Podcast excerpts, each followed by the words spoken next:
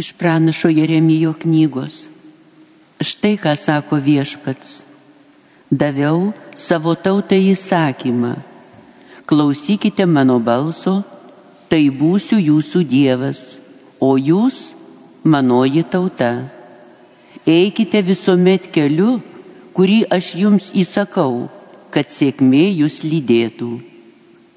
Bet jie nepaklausė ir savo ausies neatgrėžė, o sekė savo nelabosio širdies mintimis ir siekimais. Atsuko man nugarą, o ne veidą. Nuo tos dienos, kai jūsų tėvai iš Egipto išėjo, lygi pat šiandien aš visiems pasiūsdavau savo tarnų pranašų. Tačiau jie manęs nesiklausė, ir savo ausies neatgrėžė, o priešingai buvo atkaklus ir dar pikčiau darė nei jų tėvai. Kai tu jiems kalbėsi visus šiuos žodžius, jie ir tada tavęs nesiklausys. Kada tu juos šauksi, jie neatsilieps tau. Taigi sakyk jiems, tai toji tauta, kuri nepaklausė viešpaties savo Dievo balso, ir nepasidavė drausmiai. Pražuvo ištikimybė, pradingo nuo jų lūpų. Tai Dievo žodis. Dėkojame Dievui. O kad išgirstume šiandien, ką viešpats byloja, tegul jūsų širdis nebūna storžyavės O kad išgirstumėt šiandien, ką viešpats byloja, tegul jūsų širdis nebūna storžyavės. Ateikite linksmai šlovinkim viešpatį, šaukim iš džiaugsmo, nes jis mus tvirtovė su padėka jo akivaizdo naikim, jam giesmės džiugesio pinkim. O kad išgirstumėt šiandien, ką viešpats byloja, tegul jūsų širdys nebūna storžyavės. Eikime, pulkime žemėn prieš Dievą, prieš viešpati klaupkim, kuris mūsų tvėrė. Jis mūsų Dievas, o mes jo ganoma liaudis, jo rankų globojamos avis. O kad išgirstumėt šiandien, ką viešpats byloja, tegul jūsų širdis nebūna storžyavės. O kad išgirstumėt šiandien, ką jis jums byloja, tegul jūsų širdis nebūna storžyavės,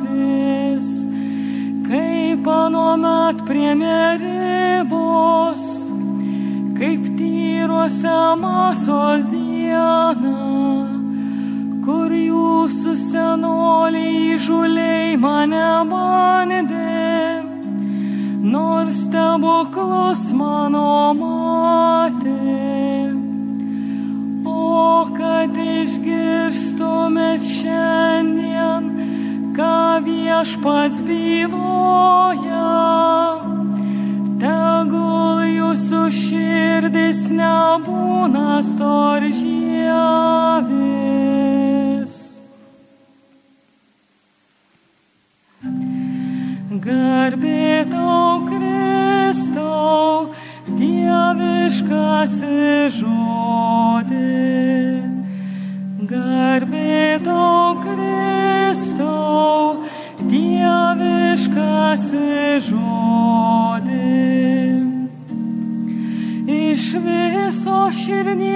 Į mane atsiverskite, sako viešpats, nes aš maloningas ir gailestingas.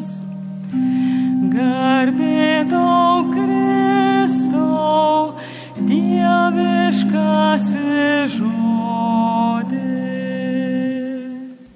Viešpat su jumis. Pasiklausykite Šventojios Evangelijos pagal Luką. Kartą Jėzus išvarė nebylumo demoną. Demonų išėjęs nebylys prakalbėjo ir minė stebėjosi. Kai kurie žmonės sako, jis išvaro demonus su demonų valdovo Belzabubo pagalba. Kiti mėgindami jį reikalavo ženklo iš dangaus. Žinodamas, ką jie mano, Jėzus jiems tarė. Kiekviena suskilusi karalystė bus sunaikinta ir namai grius ant namų. Jeigu ir šietonas pasidalijęs, tai kaipgi įsilaikys jo karalystė? Jūsgi sakote mane išvėjant demonus su Belzabubo pagalba. Jeigu jau aš išvarau jo su Belzabubo pagalba, tai su kieno pagalba išvaro jūsų sėkėjai. Todėl jie bus jūsų teisėjai. Bet jei aš išvėjau demonus Dievo pirštu, tai tikrai pas jūs atėjo Dievo karalystė. Kaip siginklavęs galiūnas sergi savo sodybą, tada jo turtas apsaugotas. Bet jei užpuls stipresnis ir jį nugalės, tai atims jo ginklus, kuriais tas pasitikėjo ir išdalys grobį. Kas nesu manimi, tas prieš mane. Ir kas nerenka su manimi, tas barsto. Girdėjote viešpatie žodį. Kristau, Evangelijos žodžiai te panaikina mūsų kaltes. Evangelija pasakoja apie Jėzaus atliktą demono išvarymą, egzorcizmą. Kalbama, jog išvarytas buvo nebylumo demonas.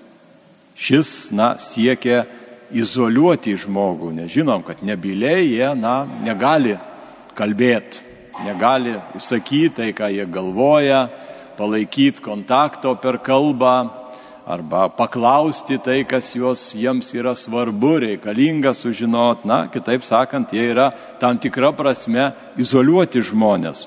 Bendrai, na, blogis visuomet panašiai elgesi. Jis siekia supriešinti, įnešti nesantarvę, ko pasiekoje tampa neįmanomu išgirsti kitus ir juos prabilti, nes tikrai, esate turbūt pastebėję, kada žmonės susipyksta, susibara, na tai įprastai tada neklauso vienas kito.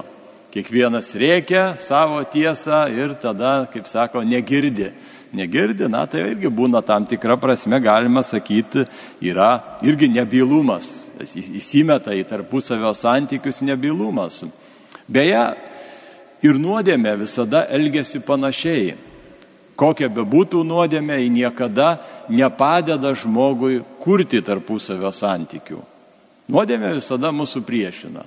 Ar tai būtų, pavyzdžiui, melas, ar kokios apgaulės, šmeištai, ar kažkas panašaus, nuodėmė, jinai visada atsigrėžia prieš mus ir jinai mus nuteikia prieš kitus žmonės ir kitus žmonės nuteikia prieš mus. Kartais, na, darant nuodėmę, galvojama, na, štai jeigu pameluosiu, nu, tai gal tada nesuger, nesugadinsiu savo tarpusavio santykių, nes nežinos, kad aš tą kažką tai blogą esu padaręs. Bet dažniausiai nutinka dar blogiau, po kiek laiko tiesa išaiškėja ir vis tiek tada tas blogis vienaip ar kitaip mus, mus paliečia ir, kaip sakant, turime pakelti tas visas jo skaudžias pasiekmes. Beje, nuodėmės veikimas jisai reiškiasi ne tik tai tarp, tarp žmogiškose santykiuose, ne vien tai, kad mus supriešina su kitais, bet taip pat jisai trikdo ir ryšį su Dievu. Pirmiausiai, na, kad jau neleidžia išgirs Dievo. Tas blogis, nuodėmės blogis, na, visada mums vietoj tikrųjų vertybių siūlo tariamas vertybės. Sakykime, ten kokias nors pramogas, ar tenai kokias laisvalaikio kitas praleidimo formas, ar kažką tai kitą. Užuot, užuot sakykime, stengusius pažinti Dievą, įsigilinus į jį, dažnai dėmesį nukreipia į kitus dalykus. Panašiai kaip būna ir panašiai nutinka ir su malda kada atrodo to laiko nėra, vis ten reikia pažiūrėti kokį serialą ar kokį filmą ar kažką kitą, ten na, su kažkuo pasikalbėti, pabendrauti, na ir atrodo maldai to laiko taip ir nelieka. Taigi tikrai tas, sakykime, čia va ir yra irgi kartu tas nuodėmės veikimas, jisai vienaip ar kitaip nori mus atriboti nuo Dievo ir padaryti, galima sakyti, nebyliais jo atžvilgiu. Evangelija mums skelbia gerą žinę.